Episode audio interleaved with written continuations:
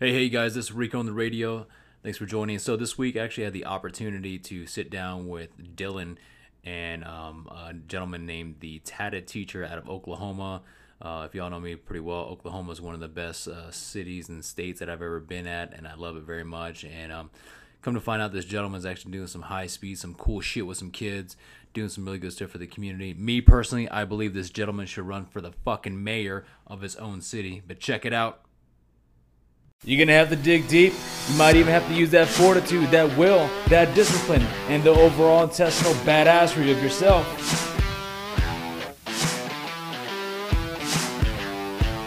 So yeah, my name's uh, Dylan Cooper. I'm a full-time teacher and coach here in Oklahoma. Uh, in addition to teaching and coaching, I also run my own outreach center. Uh, prior to teaching and coaching, I served in the Army uh, with the 1st Infantry Division. I uh, transitioned out of the military in 2011. Um, I think my transition was a little different from a lot of people just because I didn't have a family. Um, also, I kind of knew I wanted to to go to college once I started ETSing and stuff. So I think what kind of worked in my favor was I kind of had a plan that kind of kept me busy once I got back home. So I went from Fort Riley, Kansas one week, and then once I got back here in Oklahoma, I started classes like on a Tuesday or Wednesday. So it was pretty, it was uh pretty, pretty fast the way I transitioned. But uh, I feel like the bad part about my transition was I went to a junior college starting out, so it wasn't that challenging for me. So I did have a lot of idle time, you know, and yeah. I got back. My friends and families kind of had their own, you know, families and stuff. So I kind of missed out on the the fun years to say. So for me, the hardest part was just figuring out what to do with the idle time between college. But that's pretty much just my my transitioning process. Interesting. Do you think having like a plan to set you up for failure or for like uh, small failures and actually just set you up for success in the long road? Yeah, both really, man. Because like I said, it uh having that plan, knowing what I wanted to do, like once I ETS and transition out, it helped me a lot because I kind of had like you know a blueprint of what I wanted to do.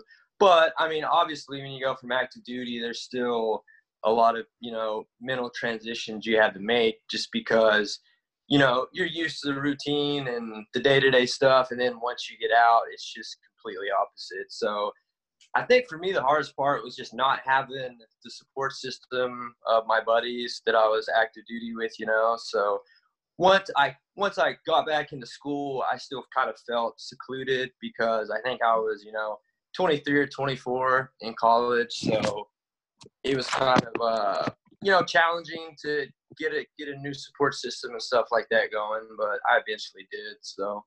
So like during the time you're in college, because this is what I found, right? yeah. Um, the mommy and daddy syndrome. What I saw is, especially in law school, it was like all these dudes and all these families like, oh, I'll take care of my son, pay a million dollars in law school, and I'm here the lone veteran, right?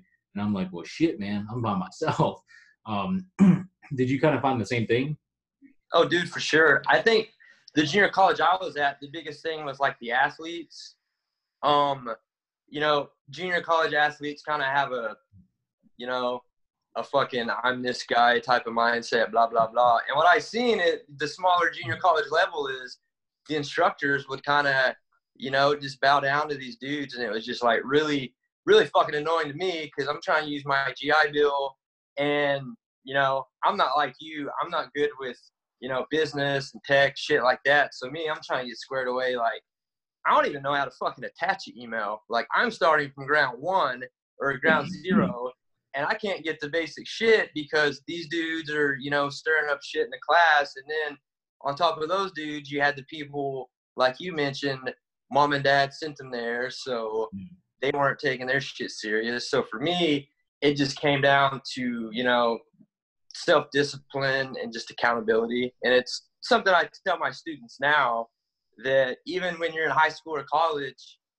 you can't expect to level up just from what class or what teacher you have. You know, like you have to go above and beyond that shit and go get it for yourself too. So that's where I mm-hmm. found myself at. So you so you're teaching right now. Yeah, yeah. Shit, man. Okay. Yeah, I taught at a, a, place called Grand Canyon University. I taught digital forensics, and also I helped start up a university in San Jose. It's called Exotech. A completely, oh, nice. yeah. Actually, I went out to the city and I got funding.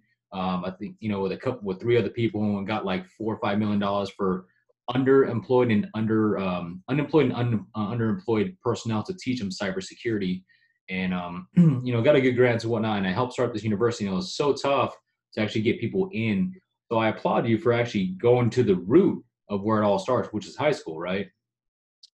Yeah, yeah, for sure. I actually I actually went to GCU online for yeah, I did I did I did two classes and then my GI Bill started running low. Yep. And although it's a, a private Christian school, you still gotta pay them. So I'm like, ah shit, I gotta find somewhere local. So I transferred transferred back. But yeah, I teach uh, at the high school level Okay. But you know, being in smaller schools and coaching, I I pretty much worked with you know a wide variety of kids and just like any other schools, you know, I spent a lot of days helping kids deal with shit they have going on outside of school. But it's like you said, as someone that went to college out of the military, that kind of had to navigate stuff on my own, and coming from a smaller school, you know, there's a lot of you know politics within the school system uh, so for me as a teacher my main thing is i focus on these kids mindset you know? I try to really get them set up for the next step whether it's college or just the real world in general you know? Are you uh, a lot of kids not want to go to the military? I do. Well at first i don't have a lot of, i mean when i first started teaching i was the only teacher that was prior military. Okay. So I think just being like prior active duty kind of helped set me apart from some of the teachers and coaches, you know, just because, you know, coming from active duty, for example, as a weightlifting coach, these kids were used to, I don't want to sound like a dick, but a fat, old, out of shape dude that's holding the clipboard, screaming at him, and getting getting no response. So when they hired me as a strength and conditioning coordinator, the first thing I did was I, you know, I, I structured it. Hey, we're working out four days a week, 5:30 a.m. If you're late, you're not coming in. If you miss too many days, you're not coming back. That's how it is. So, mm-hmm. but the way I went about trying to get the kids to invest is I try to invest in them first. So, if we were running two miles, I'd be running with them. If we were doing, you know, hit training, I'd be the one leading it. And I think that once they see you willing to invest and, you know, sweat and bleed right beside them, that's when you're going to get your return with the kids. Interesting. Interesting. So from there, you actually develop a center. Is that correct?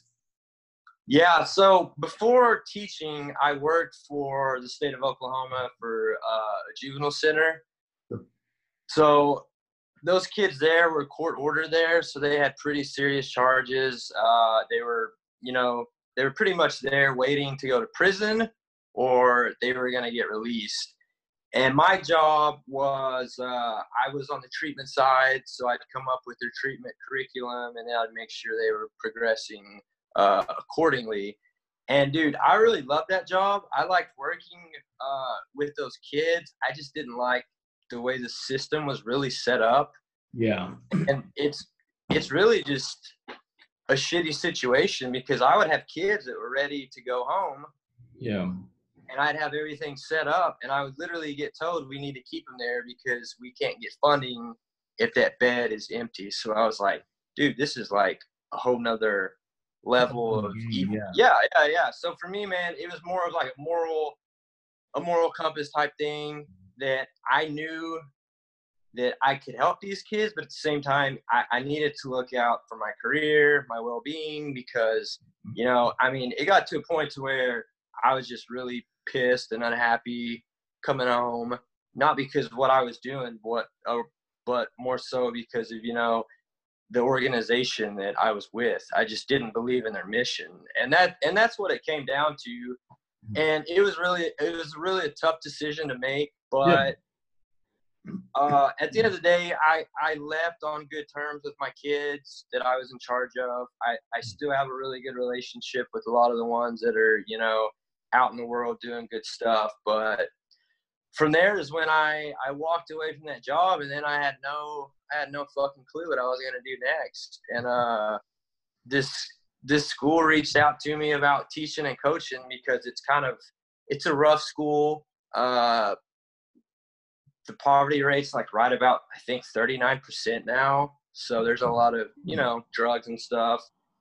But one of the school board members knew that I was in the military and that I'd been working with kids in the juvenile center. So he was like, "Man, I think this guy would be really good if we could get him, you know, get him to come here."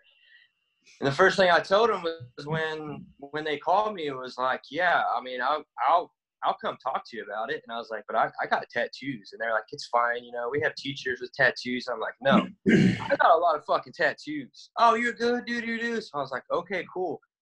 So man, I show up for my interview, and the principal walks right by me. He's like, "Hey, hey, hey, how's it going?" And I'm like, "Hey, uh, I'm uh, I'm here for my interview." And he looks at me like, "Oh shit, what the fuck is this guy?" And I was like, "I'm Dylan, the guy you." And you can tell he just looked at me. Oh, oh, oh, and he was just like, "Shit, you got a lot of tattoos." Like I didn't know you had all that. And but no, I mean we we talked and he kind of told me about everything that's been going on in the school. Yeah. And for me, being from this area, the, the language these kids speak, I speak it because I was, you know, I was brought up in this area, working with kids in the juvenile center. I, I felt like it was a good stepping stone for my next step, whatever that was going to be. So I was at that school for a total of three years. You know, I saw the kind of, you know, kind of going back to what you're saying with working with the behavioral health and stuff. I did the same thing. I actually helped stand up a program here in Phoenix called the Navigator Program, where you were designated a behavioral health technician for two weeks. And then um, my population was the LGBTQ and also the veteran community. And then right. I actually helped up start up the veteran court system over here as well. And um, one of the things is like my heart was in it. I was like, man, I've only lost one guy. He committed suicide, and and I and I hate saying that, but you know, sometimes people just make their their their decision, right? Um, right. And one of the big things, the company that I was working for, they were like, "Well, you need to get more people in." I'm like, what, what, do you want me to do? What do you mean more people in?" I'm like, "This is not a grocery store." And that's when I got hit to the game. I'm like, "This is about funding." And oh if, yeah. yeah. yeah. And if you don't exhaust all that funding, and much like you, you know, I'm, I'm tatted out as well, and um, going to court, having been done with law school, going to represent some of these, uh, you know, some my veter- my fellow veterans. They're like, yeah, we want Rico. He gets us. You know, he's all tatted out and whatnot. And oh yeah. and stand in front of the judge, I'm just like, so, Your Honor, um, here we go. And it's just oh, yeah. I empathize with you, man. That's interesting. Oh yeah, dude. And like you said, just just being different from what the typical teacher usually is projected as, I think helps me quite a bit because I mean I can walk in a room of kids, and if I tell them you know to shut up, they're probably gonna do it. But the cool thing is I I'm focused on being. I always tell my teachers your your your biggest curriculum and your asset is your actions. Yeah. Because so many teachers are taught how to teach in college, but they can't tie life shit into it, you know? And that's the disconnect with kids. Like they don't care. Yeah. They don't care what degree you got, what what certificate. They want to know who you are as a person, not just in school, but outside of school. Hmm. And that's that's just what I've always been focused on with these kids is just being transparent, being me. I don't ever try to be a teacher that I'm not. I just hmm. keep it keep it, you know, as uh, transparent and genuine as I can, and that's how I get the results from these kids. You know, Did you pick that up in the army, or is it more so you just kind of develop into it? What's that? Just wanting to just yeah, just be there for the kids. I mean, like actually, because like when I was when I was uh, teaching at GCU and I also Exotech University, it was very structured. It was like you follow this curriculum, you say these things, and you do this stuff, and the result is X grade and it sounds like yours is just more natural, uh, authentic, and also development very quickly of, of a genuosity. Yeah, but man, I get. I mean, honestly, but col- I think college is a totally different level for the fact that those kids enrolled there, like they're paying money to go there. So like, if I was at the college level, for sure, like this is how this is how the fuck it's gonna be. Because guess what, you're in college. But with my kids, I mean, I, I've had students that didn't have running water at home, Hmm. electricity, and that's there's a lot of that around here. I mean, we we That's sad. It's like in the United States, we we have that, and that's that blows my mind sometimes. I would make probably three or four DHS cases a month or a week, a week per week, just as a teacher and a coach, not as a counselor. So, and it's like I was talking to you about the other day. The the bad thing about where I teach is it's it's a smaller community, so there's no resources for these kids. Like there's no there's no YMCA, there's no Boys and Girls Club, uh, there's no movie theaters. There's no gyms where you can go work out for free. There's like none of that. So you see in our school systems kids wearing the same clothes, Hmm. kids that look like they just spent all night awake because they probably weren't anywhere where they felt safe sleeping. So as a teacher, my thing is I can't expect these kids to be successful in the classroom if they're if they're not taken care of outside of school. And that's how I ended up starting my own facility was because I've always been the type of person that's like, hey, you have two options. You can you can bitch about a problem or you can work and figure out a way to to fix the problem. So ultimately what I did with my facility was just create my own type of school that I thought would really fill in the gaps of a lot of, you know, shitty stuff that's going on within the education system. Nice, nice. So in that in in your facility, right? it looks like you're actually doing a physical fitness curriculum and giving these uh, these uh, spec- uh, you know young people a good place to be mentored and actually train up. And then, Oh yeah. What what do you need there specifically, man? Like, what do you, what are you missing? Some of the functions, man. Um, man, honestly, and you know this, just working and like you said, doing all the stuff you've done. Really, for me, like the battle is always, always the funding. You know, it's always the funding. Um, now that I'm kind of further into this, I'm like I told you, I'm kind of in a better place with with the funding. Now I can now I can focus on that. But uh, man, with me down here, I mean, it's crazy, but one of the hardest things is getting solid people in there to help out because Okay. I, I have so many people that that that want to get involved, but then those same people are getting arrested for drugs the next day. They're doing this shit, and it's like I can't have any of that coming back to me because if they volunteer there, everything comes out of this building is a reflection of the leader, you know. True, But true. man, honest, just honestly, like most of the struggles we have is just being overwhelmed with so many kids, uh, needing need, needing resources outside of just you know what we do. And it, like I said, it just comes from being in a smaller community. And it's like you said, a lot of those things don't exist because the funding's not there. We need more kids. We can't do this. We can't get that grant because of that. So, really, with really with what I'm doing is our mission is for one, I want kids to have an alternative outside of school. yeah. Like there's there's drugs, there's gangs, there's all that here. But I can't be upset with the kid for doing all that shit if there wasn't an alternative to begin with. right, right. There's no, there's nothing else, right? Right. So my main thing was, hey, at the end of the day, I'm gonna give these kids an alternative to all the bad shit that's going on outside of here. So when I was in Mexico, um, same thing, man. In the Lombardios, um, like either you're a drug dealer or you're selling drugs or you're just a Oh. gangster, right? And you're part of the you're part of the system. You're part of the ecosystem, and very few people make it out now, specifically with all the cartels and stuff like that. So I'm not surprised to hear that, but at the same aspect, it's, sti- it's still disheartening, you know. Yeah. Um, you know, in you know, in chapter nine, this book I wrote, The Rise of the Entrepreneur, which speaking of which, like you're the epitome of it. Like you literally do everything with with everything you pull from the army, uh, skill set. Um, but uh, specifically in chapter nine, it's called "Doing What You Can with What You Got," and um, It's crazy. It's crazy you said that because I could screenshot you on my Facebook post, and when people's like, oh, congrats, you know, you should be proud. And I'm like, I'm just doing shit with what I got. Like literally, like that's all I ever. That that that's my, you know, when I would when people would come in and the building looked like it was just a complete fucking wreck. They're like, how are you gonna do it? I'm like, I'm just gonna do shit with whatever I got and just keep on rolling, you know. hands in the sledgehammer. I mean, something's gonna get done. Yeah, for sure, man. hundred percent. That's why I tell my kids, life's all about sacrifice and, and doing a lot of shit you don't want to do. But you got to do a lot of that shit you don't want to do to get to where you want to be, you know? Yeah, man. Yeah, that's going to be tough.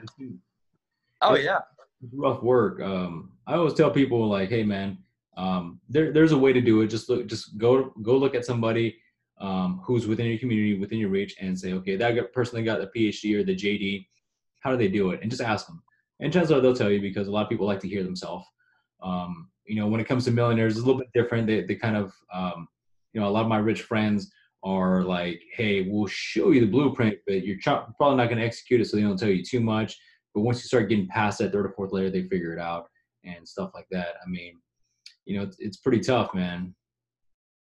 Yeah, I I never been uh so something I did to really, you know, stay focused on the mission is our building's probably like half a mile from the school that I was at for those three years because that's where my facility is.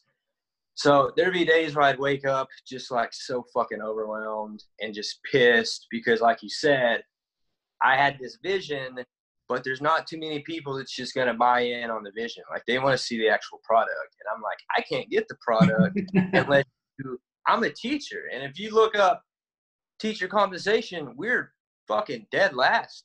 We're 50. That's why we had that big teacher walkout. But anyways, every morning when I would go to school, I'd always work out with my kids at like 5:30. I would drive by our building every fucking day in the morning, and I would see it just ran down, no fucking lights, and I'd just see kids walking around and shit. And I would just do that every day to just like you know, subconsciously brainwash myself to be like, look, you gotta fucking get this shit done because I literally asked myself, if I'm not gonna do this shit, then who is? And the answer was like nobody. Yeah. Because in the military, when you learn about leadership, first thing I did was went to, you know, the city officials. I went to the mayor, I went to the the, you know, and it was all the same. Oh, you know how it is, man. Like you grew up here, it's just how it is. We don't get the funding, we can't get this when was when was the last time you tried to do this or that? Oh, we haven't. It's just kind of.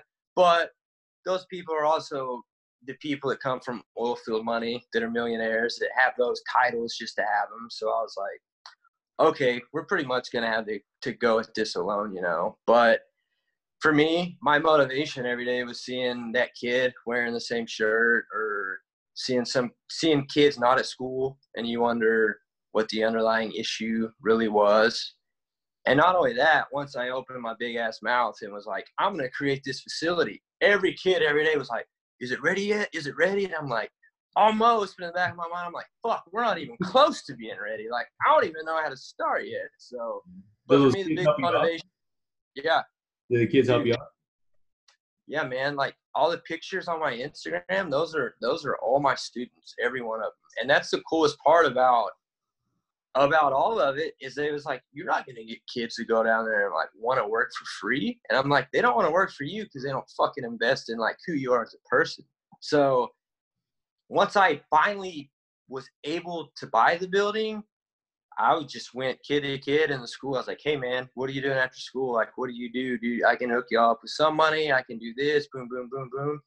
And yeah man i had my own little army down there. I mean we didn't have electricity or we didn't have electricity or running water. And when when we had to take out all that ceiling tile, dude, that shit was nailed in, and it's uh-huh. like a hundred year old building. So I called this company and I was like, "Can y'all?" Because it was rusted and you know all the bad shit you don't want in there around kids. This company was like, "Yeah, we can get it out of there in a week for ten thousand. Oh, to to come. I was like, "All right, definitely not." So I tell all my kids, I'm like, "Check this out. I want all this tile out of here by Sunday. If you do that, I'll give y'all a bonus. Like we'll go eat, we'll go do this, do do do. We didn't have any electricity at that point. So this that yeah, so dude, it was I got photos of this shit. It was it was crazy. Um it was like Saturday night, I leave because it's getting dark. And then I'm like, you know, talking shit to him. Well, I guess y'all don't get the bonus, do do do do. So I go home not thinking anything. And my friend calls me at like 2 a.m. and he's like, "Hey, I think I think there's someone like breaking in your building, do do do." And I'm like, "Why?" He's like, "There's fucking lights going around in there." I'm like, "What the hell?" So I go over there and I gave these kids money before I left to go buy pizza, but instead they walked like half a mile to the dollar store and they bought these headlamps so they could like so they could like work throughout the night. So I show up like, what the fuck's going on? And then I see my kids and that like I'm this one tiny ass kid. I remember him saying, "We're gonna get that fucking bonus," and I was like, "Yes!" Like this is what it's all about, you know. So that's awesome.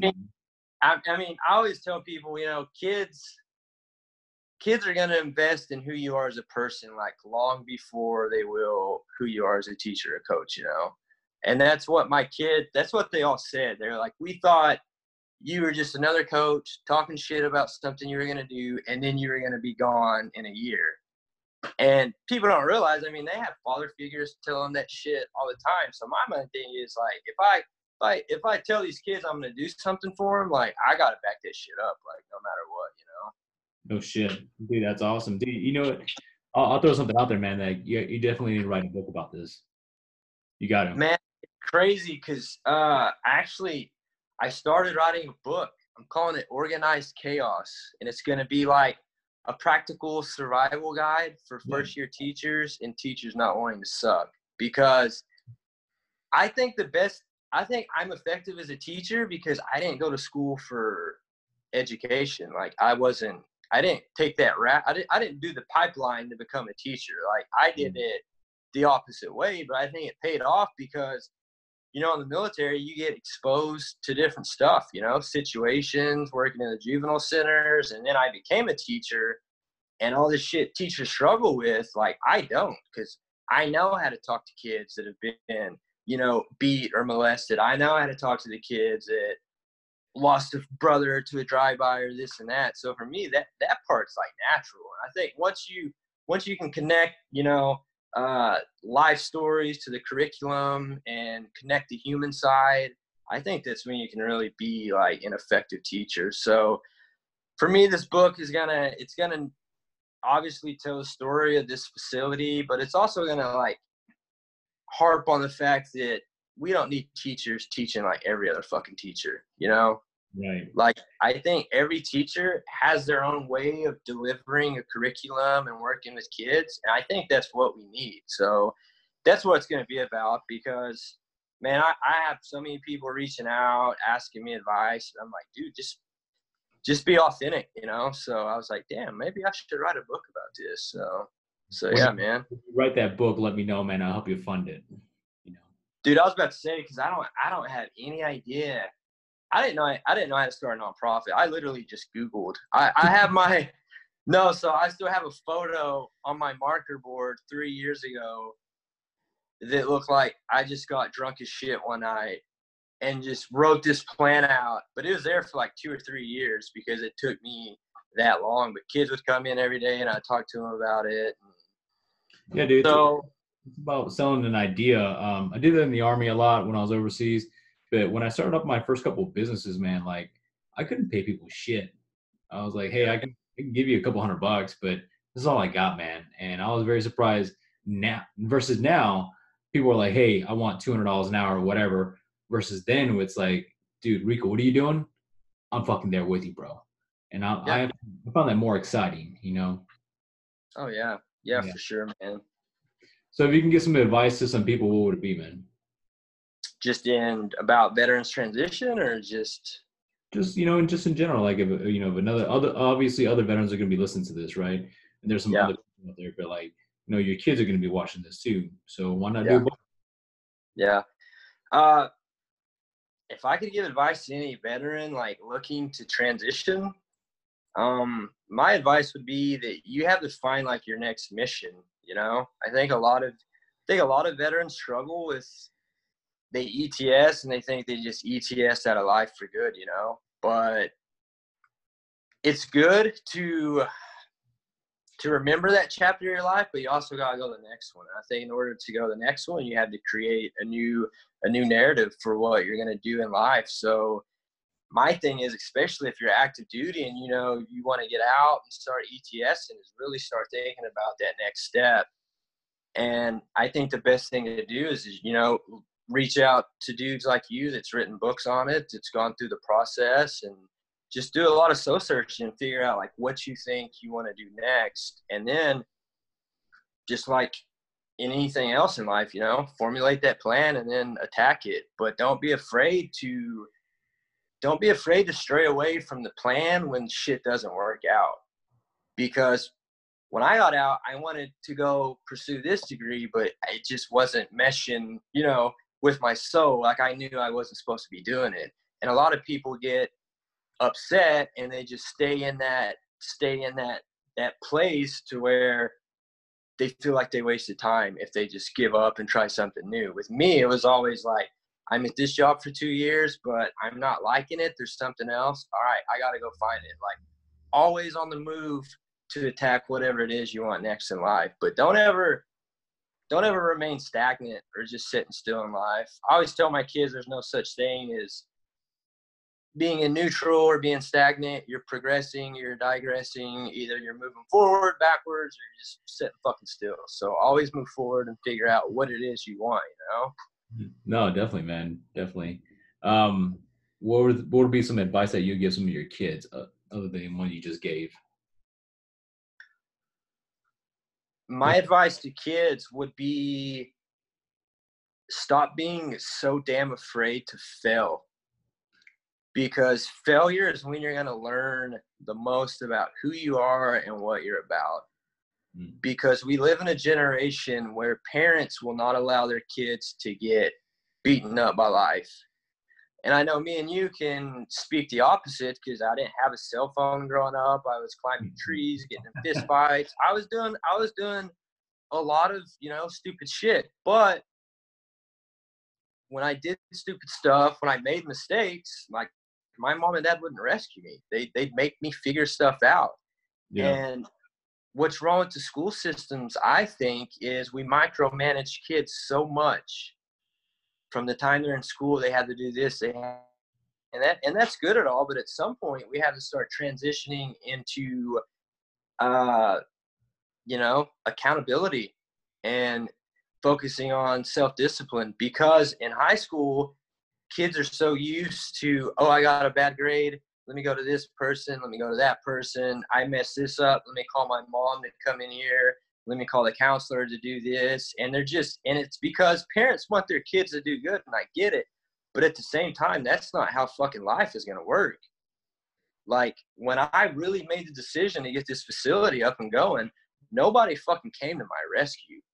And that's something I tell people all the time like, nobody's coming like you are your, you know, your your backup. Like you're it. At the end of the day, that's it. And a lot of parents, even my mom's like, well, that can be extreme, Dylan, but she's a nurse. And then I talk about what about that time when I was growing up and I did that? And she's like, oh yeah, yeah, yeah, you're right. So my thing is, if you're a student, first and foremost, you're gonna fail at life. You're gonna fail at a bunch of stuff when I started this facility, I failed at a bunch of shit, but I knew I was going to fail. It's just, it's part of life. It's inevitable. But if, if, if you live in this fictitious world to where you're never going to fail, I promise you, you're never going to get anywhere in life. Right, right. Secondly, I'm not an advocate of participation trophies. Um, you should never celebrate mediocrity or just being average. And that's something that my students are listening. They're like, Coach Cooper says this shit every day because I do. So my my thing to all you students out there is don't be afraid to fail. It's gonna happen. My other thing is get outside your comfort zone. Like there is no growth in the comfort zone at all. Uh, when I went to college right out of high school and realized it was a stupid mistake, I had a full ride and I dropped out and joined the military. And my mom told me it was going to be the worst mistake of my life. But she's my mom, so she loved me through it. And looking back, we both agree it, it was the best one of the best decisions of my life because it forced me out of my comfort zone. Yeah. It made me grow up really fast and exposed me to a bunch of stuff that really created the person I am today. And it's the same thing when I went from working for the state at a juvenile center, making good money, to being a teacher and coach full time here in Oklahoma, where you literally like live paycheck to paycheck. And when I made that transition, people told me that I was I was fucking crazy. It's not gonna work. You're gonna stay broke. You're gonna hate it. And it was another decision that completely changed where I am in life. And the same thing with this facility. It's not gonna work. No one's gonna give you the money. You can't get the funding. Kids aren't gonna there's gonna be resistance and obstacles every every phase in your life. So get used to it. So I like when people tell me that. I like when people, dude, I failed a lot with you, man. Um, I've Dude. I've actually had eight businesses and only two of them have been successful. I've lost hundreds of thousands of dollars. Both my parents passed away. Like I've been at failure quite a bit. I think I can write a book on failure, so I empathize with you. And I like the last part you said was um, it's not going to work. And I and I love when people are like, Rico, that's not going to work. I'm like, just watch this. Just watch. Watch me. I, I put the word out that I was applying for this Wells Fargo grant. Right. Don't do it. You just started your nonprofit. Don't do it because of this. Don't do it because of that. You don't know anything about grant writing. Don't do and it you know, and it's just it's like you said, it's always gonna be like that. And I didn't fucking listen and I submitted it and I got it. And then those people are like, well, do do do but Yeah. and it, that and that just kind of hits on our topic you know Yep. at the end of the day you are the captain of your own ship i know your mom and dad may want you to do something in life they may want you to go be a doctor but what i'm telling you is if you're just graduating high school and you're 18 and you don't know what you want to do with life yet it's because you haven't fucking lived it on your own terms Yeah. like life is life in the universe is going to shape you into who you're supposed to be. Like for me i thought i knew what i i wanted to be personally but once you go through life you know and it gets done shaping you you realize that ultimately you end up becoming who the universe like wanted you to be like who you were meant to be. There was a lot of times i thought i should be doing fitness model shit and this and that and looking back i'm like that was the dumbest fucking idea because what i'm doing now like it really it really you know fucking makes me happy. Like i wake up excited i go to bed happy i'm still broke as fuck for the most part but at the end of the day man i'm simple. If i can keep the lights on in our facility and i can work with my kids every day like it's it's it's the happiest i am. And it's something i tell my kids and adults that reach out to me like every day you should be self-evaluating everything like how'd you feel today throughout the day? When you was working with you know and that's something i always do. And if i ever feel like it's not there i'm going to transition and do what i got to do. But i feel like a lot of people never make that self-assessment and that's how they get stuck doing a lot of stuff that they don't you know thoroughly enjoy. So at the end of the day for me it's about knowing that you're having an impact on the world. I'm all about leaving the world a better place than than what i found it you know so that's always been my life mission That's true. man. but I think the fact that me and you are having this conversation right now really attests to it. Because if I wouldn't have started the facility, I would have never been doing the Instagram shit. I would have never stumbled onto your page and vice versa, you know? And I think once you put good out, you'll get it back, whether it's funding or like minded dudes like yourself, you know? Because for me, doing what I do, I mean, getting money and that shit's cool, but for me, it's all about getting like-minded people involved in your life. So, for me, the fact that me and you've connected, that I have you as a resource now, I think that just attests that it, it's all worth it in the end because it's not about what you can bring me financially. It's about knowing that you exist. I have a like-minded brother that's on the same mission to help others, and now we've connected. So I think it solidifies that once you walk away from shit you need to, once you keep getting past those obstacles, it's all gonna, you know, pan out in the end. Yeah, man. You know, I'm always here to be of service in any way, not only to you, but to your facility, to your kids, whatever they need.